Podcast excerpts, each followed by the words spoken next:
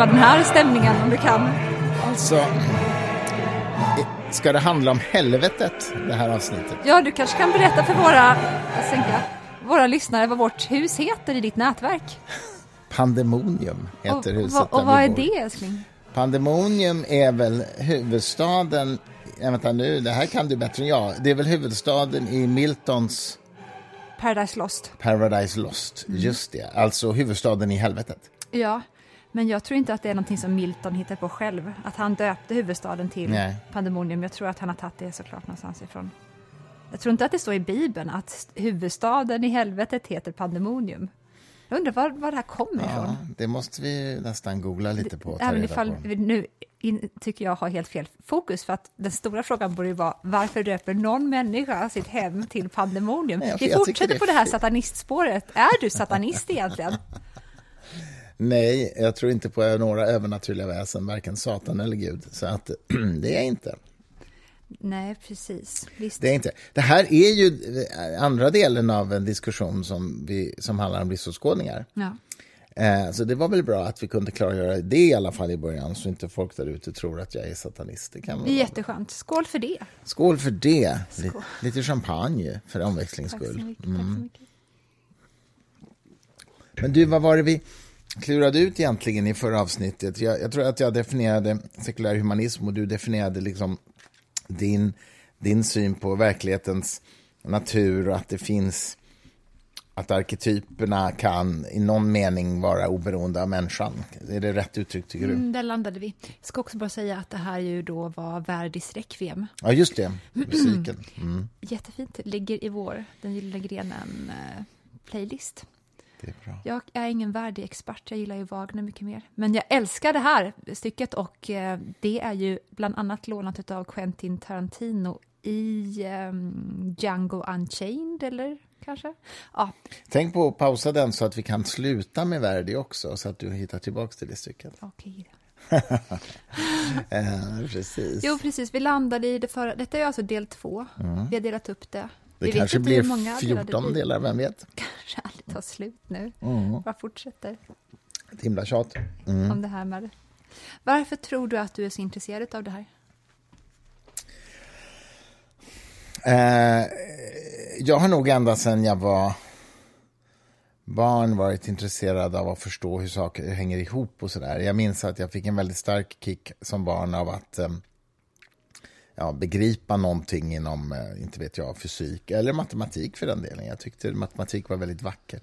Att förstå vad den faktiskt representerar, att förstå eh, förstå liksom derivata, hastighetens hastighetsökning, hur det kunde uttryckas matematiskt, varför det såg ut som den funktionen det gjorde på papper. Jag satt ju på mitt pojkrum och ritade grafer på sådana här rutat papper. Och, så. Ehm, och jag, hade, jag hade nog en stor förkärlek till att förstå hur saker hänger ihop helt enkelt.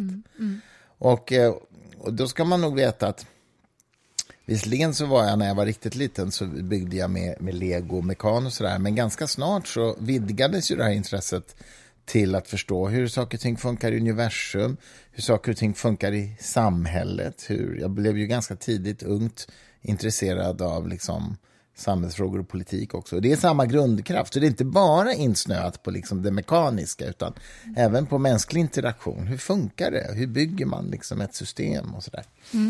Jag, jag kan se för min egen del att jag ända sedan jag var väldigt liten har haft eh, stunder utav, eh, åh, vad ska man kalla det här för på ett språk som gör att folk förstår vad jag menar, så många som möjligt i alla fall. Inom eh, Vedanta så kallar man det för mötet med självet. Möten med självet. Eh, Det är alltså ögonblick som kan vara förvisso ganska långa, då det är, eh, det är en fullständig klarhet som uppstår och jagupplösning. Och inom kristendomen skulle man absolut säga möten, en gudskontakt. Och de där har kommit i pytsar genom hela mitt liv. Oftast märkligt nog i kontakt med vatten. Jag minns när jag var liten att jag stod och såg på eh, eh, hur regnet slår ner i vattenpölarna och det försatte mig i ett sånt läge. Och eh, det tog lång tid för mig upp i vuxen ålder att förstå att jag graviterar inom mig själv konstant mot att komma till de upplevelserna igen och igen och igen. Mm. Och det är det som egentligen mitt liv leds av och till stor del går ut på. Eh, och detta har liksom varit undermedvetet, men sen har jag då medvetande gjort det. Och såklart, en biprodukt av det är såklart att se vad är det här för någonting som jag upplever? Vad, eh, hur har andra beskrivit de här mm. upplevelserna? Mm. Och vilka kulturella traditioner har varit bäst på, inom citationstecken, på att eh, handleda sitt folk dithän, mm. till de upplevelserna. Men får jag fråga några grejer?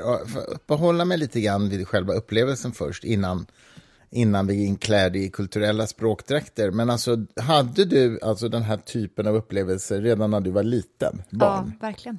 Jätteliten. Jag tycker också, inte minst för nytillkomna lyssnare, att du kan berätta lite grann om din uppväxt. Du växte ju upp verkligen på landet utanför Växjö, eller hur? Mm. Mitt ute på landet. Och vad hur såg, hur såg liksom en dag ut för dig som tioåring? Då går du i som tioåring? Tredje år. Då går Först du... är man ju förstörd sen länge. Man är ju i, I något, en oceansk känsla på något vis fram till att samhället börjar välla in och det gör ju oftast det i, i samband med att dagis kommer. Okay. Uh, Men minns du så, så tidigt saker, hur du upplevde det innan dagis? Absolut. Okej, okay, hur var du då, från, då? Jag har minnen från tre, fyra års ålder, jätteklara. Okay. Hur var du då, då som tre, fyra åring? Jag kan inte, de minnena är ju inifrån mig själv, mm. så att jag har ingen utan, utan på blick på mig Nej. själv då, utan jag minns ju bara att jag växer upp i det här pastorala landskapet på landet med... På en gård med hästar. Mm, Dina föräldrar födde upp hästar. Ja. Men jag är ändå nyfiken, liksom, mötet med samhället då, det är ju när du börjar i skolan ändå, tänker jag, när det börjar förväntas att du ska då gå på lektioner. Precis, då börjar det fruktansvärda. Ja, och vad händer, vad, vem är, är, du då? Det är ju utdrivningen från, från paradiset som sker för mig där. Jag var ju i paradiset på den här gården, mm. och sen kommer då det här fruktansvärda, att man behöver civiliseras, utefter då standard och normer som samhället satt upp, som jag aldrig har kunnat leva upp till. Men om jag, skulle... jag, har ju ald- jag har ju aldrig funkat så att säga i skolans värld. Nej, om jag skulle intervjua någon av dina lärare från eh, lågstadiet, vad skulle de säga då tror du om dig? Ja, men det beror på vilken lärare. Jag, eh, den första läraren tyckte verkligen inte om mig. Jag var ju överaktiv också. Mm. Mm, och eh, längtade ju, jag har ju alltid längtat efter bildning. Jag, måste, jag har berättat om det tidigare på den. Jag har läng, alltid längtat efter en internatskolemiljö, helst mm. i England. Det var ju min högsta dröm att få gå på internat i skoluniform. Mm. Med gamla böcker och gamla bibliotek och så. Och jag hade ju en föreställning om att det var det som skulle vara skolan som mötte mig. Så det var ju en chock att komma till en, en skola på 80-talet i Småland som var byggd i, i fult nytt tegel och läroböcker som var målade på ett sätt som att de, som målade de böckerna måste ju tro att barn var liksom efterblivna i princip. Så, målade? Du menar illustrerade? Illustrationerna i ja. dem, det var så mm. själadödande. Det var, att kliva in i skolans värld var en själadödande tid för mig, mm. fram tills att jag blev fri från den. Nu svarar inte jag på din fråga, men... Vad skulle läraren säga om den här lilla flickan? Liksom? Du är allvarlig. Hon... Ja, jag är jätteallvarlig. Men, men den första läraren hade ju jätteproblem med mig för att jag, hon tyckte att jag drev igång andra i klassen till att bli stökiga. Mm. Du var och jag var, ju ostim ja, men jag var ostimulerad. Jag var mm. fruktansvärt understimulerad. Mm. Uh, ja. Så att hon, hon sa ju till mig, min första lärare också, på utvecklingssamtalet, inför mig så sa hon ju, det var så skönt när Victoria var sjuk. Schysst. Ja. Sen så fick jag ju bättre lärare, Hans-Åke Lindqvist, i mellanstadiet. Mm. Och eh, då började jag bli mindre understimulerad. Och Vad skulle jag... han säga om dig då, om han beskrev det? Jag, jag ska ta, tror jag ska ringa honom och fråga. Han minns ju inte. Det är så självupptaget att tro att man sätter avtryck på sina lärare. Jag kan verkligen säga det, de flesta lärare minns inte alls hur man var. Man var mm. Om man inte sen blir kriminell eller något sånt. Nej, men jag hade ju tur också att jag gick i en klass med eh, killar, jag umgicks ju bara med pojkar, och de var väldigt intelligenta. Mm. Eh, väldigt intelligenta, så att de läste läroböcker som var tre, fyra år uppåt. Mm. Och de drog med mig i det, i den, mm. Eh, i, vad kan man säga, förhållningssättet till studierna, att det, det räcker inte att bara ligga på samma nivå som de andra, utan det går att sikta ännu längre och ännu längre och ännu längre. Mm. Ja, men, Varför frågar du det här? Nej, för att um, Därför att jag försöker liksom få en bild av när du, hur tidigt i din liksom, tillblivelseprocess börjar söka dig väldigt mycket inåt och den här Men jag har, klarhets... alltid, jag har alltid varit strävan. inåt. Det är en läggning jag har. Jag kommer med den. Det är min tro i alla fall. För jag vet att du, det var väl i mellanstadiet som du började springa på kammarmusiksorkester? Jag började lyssna, jag lyssna ännu mer, ja, någonstans, i slutet på mellanstadiet. Ja, att du Men åka till Växjö och gå på konserter? jag tror inte det är rätt beskrivet att man börjar söka sig inåt. Vissa är Mm, födda inåt, om du förstår vad jag menar. Och jag har ju alltid tyckt att bara jag får vara i fred, då har jag det alltid jättebra. För att i den introspektionen som jag alltid f- eh, befinner mig i, då har jag det väldigt bra. Den enda människan som jag känner inte har kommit och stört mig i det här tillståndet som är ganska harmoniskt då när jag är ensam, det är ju du. För att vi är i en samvaro där jag kan eh, inte, jag behöver inte kliva ur min introspektion med dig, men jag kan vara verbal samtidigt. Men, men nästan alla andra sociala möten ser jag på som att jag blir störd. Men det är ändå intressant där, för det här känns ju som det är själva kärnan i din livsåskådning. Det är den här introspektionen och sökandet efter den här klar, klarheten. Och sen så har du så att säga letat efter, inte vet jag, strukturer eller texter eller kontexter som i någon mening embrace, som omhuldar det. Ja, som kan berätta vad det är jag upplever. Ja, just det. Mm. Det, det, är lite, det, är lite, ja, det är intressant. Så att vi börjar ju från olika håll du och jag egentligen. Jag letar efter någonting som kan bekräfta eller berätta om det som jag redan har upptäckt. Medan du försöker hitta definitioner som eh, skapar en rimlighet och en logik som du är beredd att ge upp när som helst också. Så länge som, ifall inte den håller för vissa frågor. Eller, Ja, alltså i, i, i min livsåskådning ligger- är det ju väldigt centralt att man är beredd att överge sin föreställning eller sin förklaring eller det man tror på om det finns skäl till det, om det kommer fram något nytt. Och så. och det delar vi såklart. Ja, det är klart. Men, men det är ändå en intress- du är inne på en viktig punkt här, nämligen den att du har ett tillstånd, ett optimalt tillstånd in, i, i ditt inre som du sen dels strävar efter att ha såklart, men som du också strävar efter att eh, beskriva med hjälp av olika kontexter och texter eller skrifter eller, eller traditioner och så vidare. Jag har ju istället, jag börjar ju från andra änden, det, det var ju för sig det du sa, men jag börjar från andra änden också på ett annat sätt, nämligen att jag söker mig utåt Ja. och vill förstå hur saker och ting funkar och hänger ihop. Alltså gud, vi är så stereotypa. Så, det, så det stämmer ju verkligen. Att för mig är det en utåt, utåtriktad rörelse, men det som är coolt och som jag möjligen kan tänka mig att det finns en eh, någon slags liknande emotionell upplevelse av. Det vet jag att jag har haft under min uppväxt när jag har läst böcker och så vidare. Eh, när man får den här känslan av en aha-upplevelse, när jag plötsligt jag har ju berättat tidigare om i den här podden när jag för första gången förstod Kantors bevis för att det finns olika stora oändligheter. När jag för första gången förstod i detalj hur det beviset fungerade, eh, då, det var en aha-upplevelse, eller som man på engelska säger, a moment of awe, alltså förundran. Och det är för mig inte bara en intellektuell erfarenhet, utan det är en emotionell erfarenhet. Ja. När, när man liksom får, kommer få en insikt, så att säga.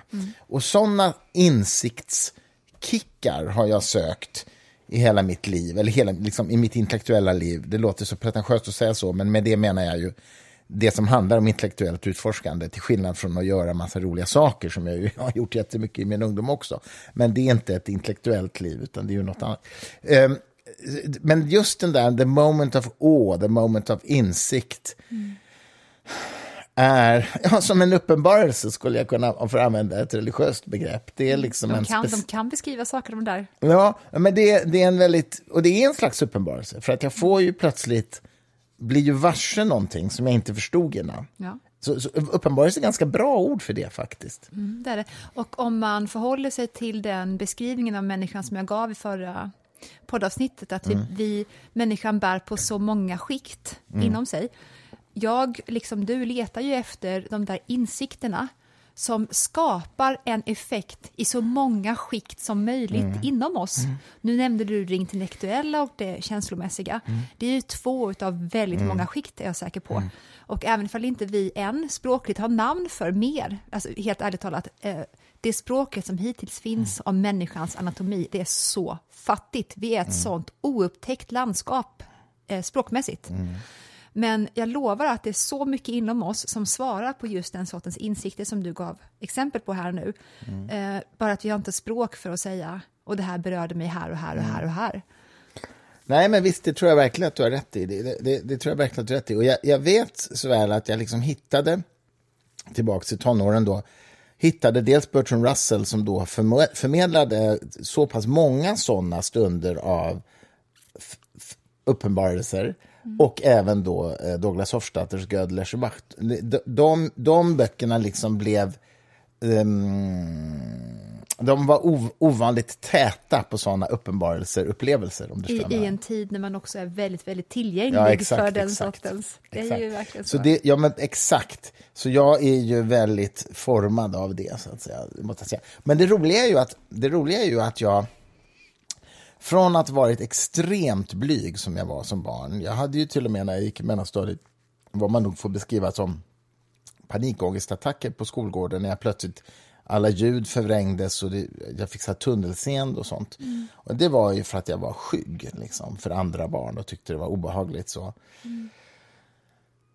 Och jag minns att jag övervann det där. Jag har ju aldrig haft det i vuxen ålder. Det här var ju alltså när jag gick i fyran, femman i, i, i lågstadiet, ja, vad heter det, mellanstadiet.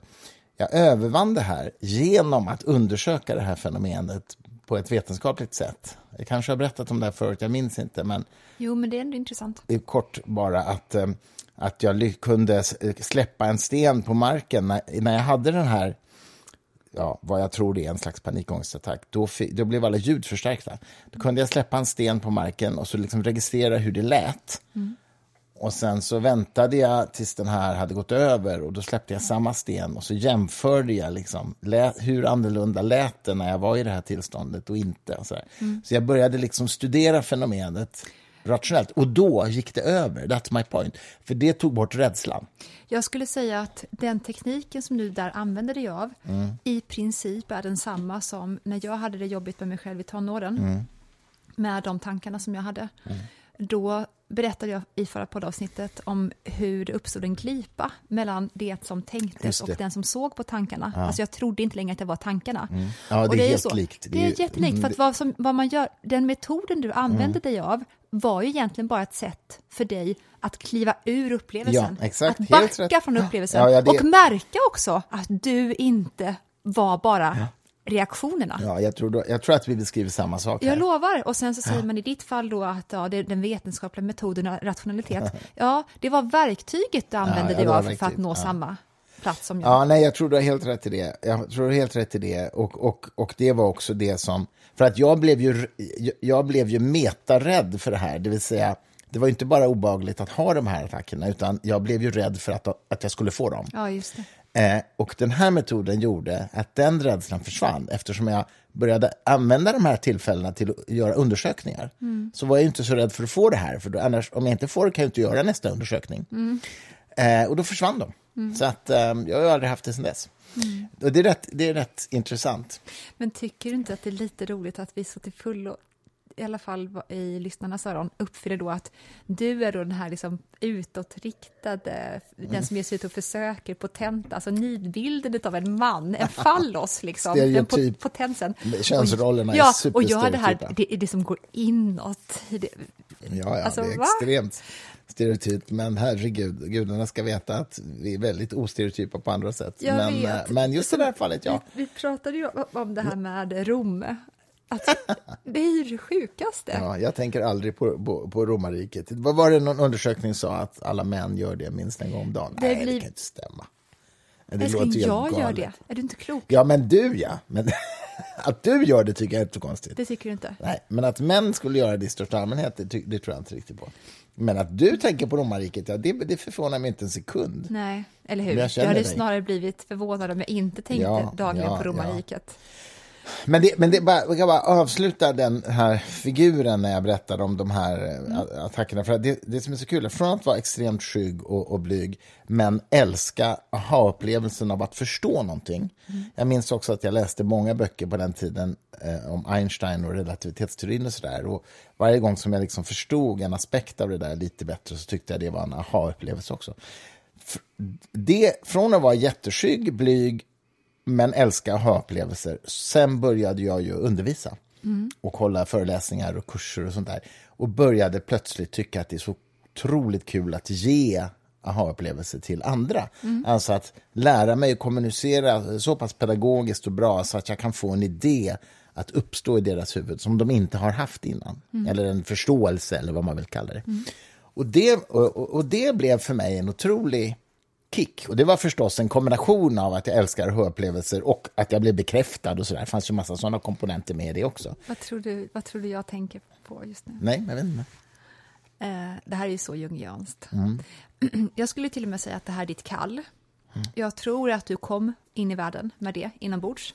Jag tror att alla människor kommer eh, in i världen med en dragning till någon aktivitet. Mm mer än andra aktiviteter i alla fall. Mm. Det är inte så att ifall du inte hittar ditt kall så finns det inga andra, utan det är bara att ja, men då finns det säkert någonting som du har eh, en nästan lika stark dragning till att utföra. Men det är alltså någonting som du har, som mm. du kommer med, som det är upp till dig att ta tillvara på.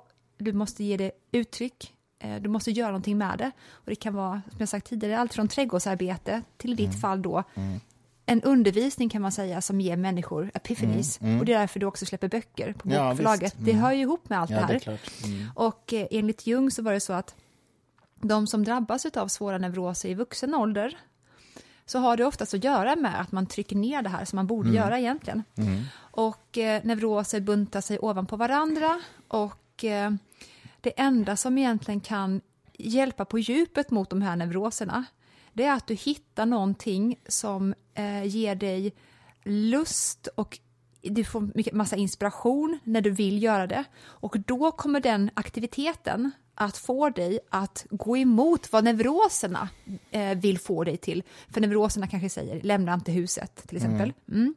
Men ifall jag då förstår vad det är inuti mig som jag har förbisett, eh, det kanske är då, ja men säg, ta hand om min trädgård då kommer den lusten och längtan efter att ta hand om trädgården vara så pass mycket starkare än vad neurosen är stark, så man mm. övervinner neurosen tack vare att det finns en positiv eh, pull också. Mm. Mm. Um, och det är ju en skillnad från hur människor ser på men det här mm. med att vi bara är ett nät av ja, sociala konstruktioner. Mm. Vi kommer med någonting, vi kommer med massa saker. Mm. Och jag, bara avslutningsvis på den här ranten, Jung sa ju att det här med neuroser eller problem vi har överlag, det är ingenting som vi kommer eh, underfund med hur vi ska hantera genom att brotta ner dem eller genom mm. att list, intellektualisera för mycket om dem, utan det är att you, you outgrow them. Mm. Ja, just det. Mm. mm. Det är bra. Och jag tror verkligen att det är så också. Men du kan bara växa ur dina neuroser ifall du hittar en, en positiv framtidssyn. Någonting som du vill bygga, som du vill göra. Mm. Ja, det, det, ja, det där gillar jag. Det är väldigt klokt. Ja, och det är sunt.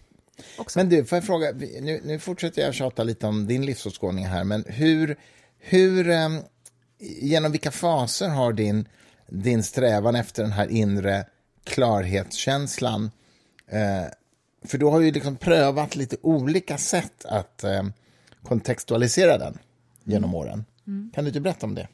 Jag gjorde det förra, tycker jag. Du gjorde det? Mm. Med sen och sen ja, med det, det katolska. Okay. Mm. Men... Eh, och Vedanta och sådär. Ja, okay. ja mm. men eh, no någonting som jag på senare tid landar allt tyngre i det är att alla de målen som jag har satt upp för mig själv i livet som har varit jätteviktiga för mig. Nu när jag börjar förstå mig själv bättre och vad det är som jag alltid har graviterat mot, vilket är just det här upplevelsen med självet. Mm. Eh, jag förstår ju att det är egentligen det enda stora livsmålet jag har. Mm. Att hantera mig själv på ett sånt sätt så att jag så mycket som möjligt lever i det. För att om jag gör det, då sköter sig resten också. Mm. Då vet, om jag lever i det, då vet jag bättre vad jag ska göra. Då, sunda impulser ja. till handling uppstår där till exempel. Mm, jag fattar. Jag fattar. Nej, men det, det, jag, jag, utifrån mitt, mitt, mitt liksom perspektiv, då, existentiella perspektiv, så är det ju så att den här resan att, att försöka förstå saker är ju never-ending till att börja med. Alltså att det, blir, det tar ju aldrig slut, liksom, därför att det finns alltid mer att upptäcka, mer att förstå och mer såna här aha-upplevelser att få. Mm. Och en sak som jag kan tycka är lite sorglig faktiskt, det är ju den väldigt spridda uppfattningen att den som är sekulär humanist som jag, eller ateist också, och så där, är en person som är mindre öppen. Därför att för mig är ju själva, att vara öppen är ju det centrala i det här, nämligen att pröva all, alla, på, alla hypoteser, alla påståenden, alla idéer, pröva dem och se vilka som verkar rimligast. Mm. Pröva sig fram och välja tro på det som som verkar rimligast. Pratar vi om vetenskapliga skäl så handlar det om bra evidens förstås. Pratar vi om moralfilosofiska eller värderingsmässiga eller emotionella så handlar det om andra saker. Men det är ju ändå så, och det är det som är min poäng, att så fort någonting inte håller av ett eller annat skäl så överger man det och prövar en annan mm. inställning, hypotes, tro eller vad det nu är för någonting. Jo, om man har den läggningen som du har så är det ju helt rimligt sett. Ja, men jag menar, jag menar också att det är centralt i den sekulära, humanist, sekulära humanistiska synen på kunskap. Och ja, ja, det är så precis, jag menar. Precis. Men många tror tvärtom. Ja, och det är ju väldigt, om man ska hårdra det så tror jag det är för att, um, hur ska jag säga det här?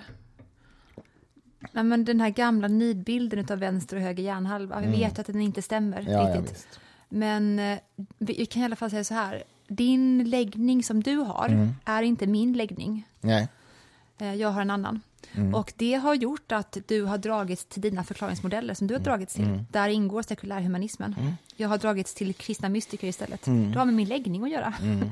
och eh, vi kan hålla på eh, och låtsas med varandra att vi av rationella skäl har landat i det vi landar i. Men det egentligen bara har att göra med, ja men det är för att du är du. Och nu försöker du hitta ett språk för det. Ja, det där är ju en hypotes att det skulle vara så. Mm. Eh, som jag i och för sig inte är övertygad om. Jag tror att man kan komma fram till andra slutsatser eh, med sammanläggning. Ja, ja, men, det, ja, men, ja, men och, vilken, ja, kate vilken kategori är de inom ja, då fortfarande? Ja, det, ja, ja men nej, jag, jag vet inte. Ja, det där är, jag är verkligen Men jag tror, jag, jag, jag, tror att ofta är det en skenfäktning som pågår mellan så kallade din sida utav mm. spelhalvan med de som håller på att mopsa mot dig som är pingstvänner till exempel. ja. Ja. Sen vet man ju inte ifall de som är pingstvänner till exempel verkligen lever ut sin rätta läggning, om ni förstår vad jag menar. Nej, nej. Eller hur? Precis. Eh, men, ja, mm. nej förlåt, nej men, nej, men vi var ju i en debatt, du och jag. Du och jag, Farshid Jalavand och Joel Halldorf. Mm.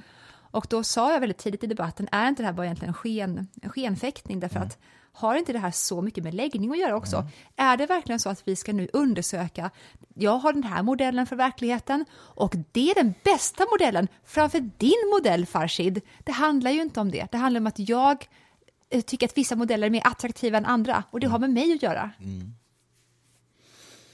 Ja, kanske om man vågar ta reda på vem man är, mm. det är ju grundförutsättningen. Mm. Det är ju inte alla som lever ut, som, de tar ju bara förklaringsmodeller av största bekvämlighet för att deras föräldrar kanske har dem eller för att de har växt men, upp i en... Men, men, det, det, jo, men alltså det du säger kan nog gälla, kan nog gälla eh, så att säga de, de stora metafysiska, existentiellt met, och met, existentiella metafysiska frågorna som ligger ut, som egentligen le, ligger utanför det vetenskapliga, det vill säga de grundantaganden man gör eh, som inte är vetenskapligt prövbara, de tror jag kan vara en läggningsfråga. Ja. Men mm. jag tror inte att det är en läggningsfråga huruvida man, vad ska vi säga, huruvida man tror eh, på telepati eller inte, till exempel. Därför att, därför att det är, det är så, så, så väl inom ramen för vad som man kan pröva med Men Det tror inte jag är en läggningsfråga heller. Nej, precis. Men jag tror att det säger någonting om din läggning, att du är så irriterad på de som tror på telepati. Ja, jo, men det, det tror jag håller med om, för att, jag, för att jag tycker helt enkelt att det är så oförnuftigt. Ja, mm. så det säger någonting om precis. den. Ja. Eller astrologi. Liksom, ja, ja, eller visst. Ja, ja. precis. Och det håller jag med om, det är en regnfråga. Mm. Mm. Men om man gör det eller inte, det säger någonting om ens, kvaliteten på ens så att säga, resonemangsförmåga, skulle jag vilja påstå. Och, om jag bara får testa det här då. Mm.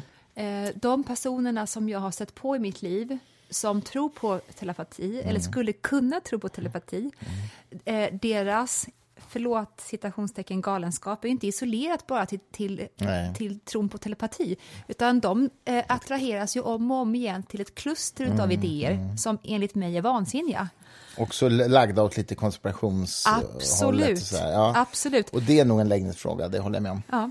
Att så att det, sånt, telepati ja. det är en liten gren i ett symptom, stort ja. träd som har kanske ändå med läggning att göra. Ja, jo, men det tror jag, jag tror med, det har med läggning att göra. Men ja, alltså, hmm. Le, ja, lite grann beroende på vad man menar med läggning. Okej, låt mig säga så här då. Jag, jag, kan gå med på att, att jag kan tänka mig att kalla det för en läggningsfråga, men jag är inte säker på att det är medfödd. Jag tror till exempel människor som har en konspirationsteoretisk läggning nu kan ha det för att de har råkat ut för något. Alltså, eh, de har förlorat tillit. De har kanske haft ett tillitstrauma i livet där, där, har ska, där vad heter det, marken har skakat under dem. Eh, de har blivit djupt svikna, antingen av människor omkring dem eller av staten eller vad du vill. Och att deras grundläggande mänskliga förmåga att känna tillit har fått, fått sig en väldigt mm. hård och, Förstår du? Att och det då, behöver inte vara medfött. Nej, men det är ändå en läggning kan man säga då. Och, men inte medfött. Och de människorna som inte har det medfött, nu tror jag att ganska mycket är medfött, jag ska komma in på det här mm. senare. Men de som bara har det på grund av yttre omständigheter i mm. barndomen, det är de som går att rädda enklast också. Ja, det tror jag du har rätt i. Så att, mm. Eh, förhoppningsvis så kommer de ju stöta på eh, hinder i sin eh, övertygelse ja. som gör att det uppstår en rispa och en glipa som får så förnuftet att välla in. Ja, ja. Men ja. Eh, de som är mest fakt, det är ju de som har den genetiska läggningen jo, och i jo. barndomen också då råkar ja, ut för ja, någonting som ja. leder till tillitsbrist. De är ju körda nästan hemskt nog. Och om inte det är, okej, okay, det här kommer, där kan nog bara Gud hjälpa. Jag tror inte det kanske, men okej. Okay. det är svårt, det är, ja just det. Uh, eftersom ingen av oss tror på en gud med, med agens och internationalitet så tänker jag att när du säger så så menar du tron på eller föreställningen om Gud hos en individ kan hjälpa. Tror, och det tror jag också kan göra. Jag, nej, men jag tror mer än du. Mm. Jag tror ju fortfarande på att det finns en nåd. Mm. Eh, och jag tror att eh, den nåden är på något vis det som gör att eh, det sunda mitt i allt oväder ändå kan få det att spricka upp på himlen. Mm. Så att fast man befinner sig då i en fruktansvärd situation och man varit med om hemska saker och man är helt feldragen i huvudet, mm. rent sagt, då tror jag fortfarande att nåden är tillgänglig för dem. Mm. Och det är då att eh, plötsligt så tänker den personen tankar som den inte borde kunna tänka, mm. som är friska. Mm. Och, eh, och, det, och det är det som jag återkommer till också under våra samtal, att eh, jag tror ju att Gud har med verklighetens textur att göra mm. och att Gud i verkligheten även gör sig gällande och sträcker sig efter oss. Men eh, fortfarande inte som, en, som ett väsen med agens då? Agens alltså det här med svårt. Och det. Jag vet, men det här med agens är så svårt. Eh, agens, jag tror bara att det här är verkligheten som den är konstruerad. Ja, och som du väljer att, alltså det är ett verklighetstextur som du använder namnet Gud ja. på. Mm, jag fattar. Mm. Men, men, men alltså, egentligen, oavsett detta, så jag är ju verkligen övertygad om att människor kan, på individnivå i vissa fall, kan bli, verkligen bli hjälpta av att hitta en religiös livshållning. Mm. Alltså att finna Gud, så att säga, inom citationstecken. Människor som har missbrukat eller alkoholism eller, eller, eller vad det nu kan vara, så, eller, eller kriminella, så tror jag att människor genom att finna Gud eller bli frälsta inom citationstecken mm. faktiskt kan bli hjälpta av det. Mm jag menar ju att det, jag tror inte att det finns en sån gud så att säga som de tror, för de tror i regel på en ganska traditionell teistisk gud. Ja, jag vet inte om de gör det bara. Men, ja, men en del ja. gör i alla fall nog ja. det. Och, ehm, och, och, och, så. Och min poäng är egentligen bara att jag tror att de kan bli hjälpa, hjälpta, även fast jag tror att det inte är ja, någonting som finns där. Ja, och jag tror att någonting finns där för att när människor, framförallt i missbruk då, när man har mm. kört hela sitt liv i botten, då är man mer tillgänglig än någon som lever i ett lågintensivt mm. lidande i ett villaområde ja, utanför visst. Linköping. Typ. Ja. Ja.